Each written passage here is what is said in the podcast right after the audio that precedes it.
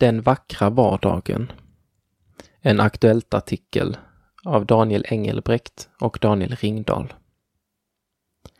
För vissa av oss är det roligt och spännande att komma tillbaka till skolan eller arbetet, medan det för andra är riktigt kämpigt. Man kan drömma om ett evigt sommarlov, fritt från ansvar och ansträngning. Men det gömmer sig i själva verket en skönhet i vardagens rutiner. En skönhet som kommer från uppdragsgivaren, Gud, vår skapare. När Gud skapade människan var hennes första dag vilodagen. Dagen som är avskild för gemenskap med Gud, familj och vänner. Det betyder att människan i första hand är skapad för gemenskapen med Gud och sina medmänniskor. Men efter vilodagen följde sex dagar av arbete, också i paradiset. Gud gav Adam och Eva uppdraget att odla jorden, namnge djuren och bilda familj. Efter sex dagars arbete skulle en ny vilodag komma, på vilken ytterligare sex dagar av arbete skulle följa och så fortsätter det i alla släktled. Guds rytm. En liknande rytm behöver genomsyra hela vårt liv, från den enskilda dagen till det långa året. Dygnet behöver delas mellan dagens arbete, kvällens gemenskap och nattens vila. Året behöver delas in i perioder av arbete följt av perioder av vila.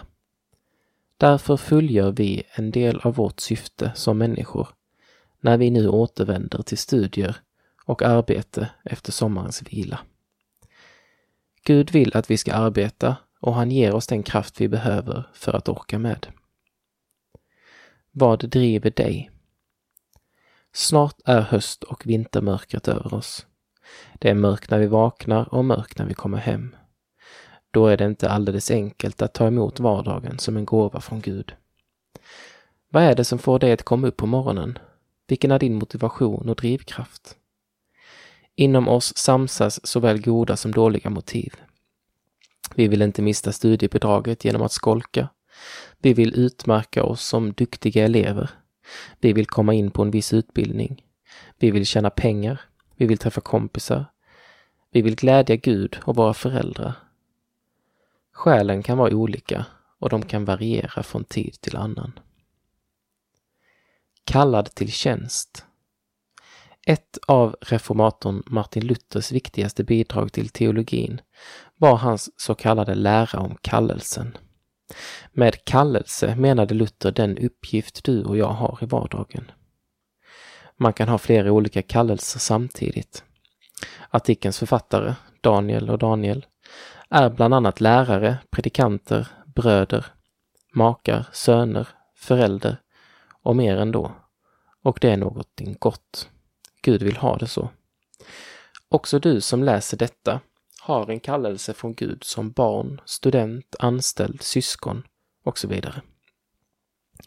Men medan vår omgivning lär oss att vi pluggar för vår egen skull, arbetar för vår egen framgång eller skapar relationer för att det ska hjälpa oss, menade Luther att den kristna kallelsen inte alls ser till vårt, vårt eget bästa, utan till vår nästas. Det betyder att jag inte är make för min egen skull, utan för att glädja och hjälpa min fru. Jag är inte lärare för att jag själv ska få det bra, utan för att tjäna mina elever. Jag gör inte gott mot mina medmänniskor för att Gud ska se det och gilla det, utan för att medmänniskorna behöver min hjälp. Genom Guds kraft. I skapelsen gav Gud ett ansvar till dig och mig som är svindlande. Istället för att Gud själv styr allting på jorden använder han oss som sina tjänare och vi har var och en fått olika uppgifter eller kallelser. När vi sköter vår kallelse under bön om Guds ledning, inte för egen vinning utan för att tjäna vår nästa, blir den här jorden en lite bättre plats att bo och leva på. Men kallelsen kommer från Gud och det är från Gud som kraften till vardagens slit måste hämtas. Därför är rytmen oumbärlig med sex dagars arbete och en dag av gudstjänst och gemenskap. För våra medmänniskor.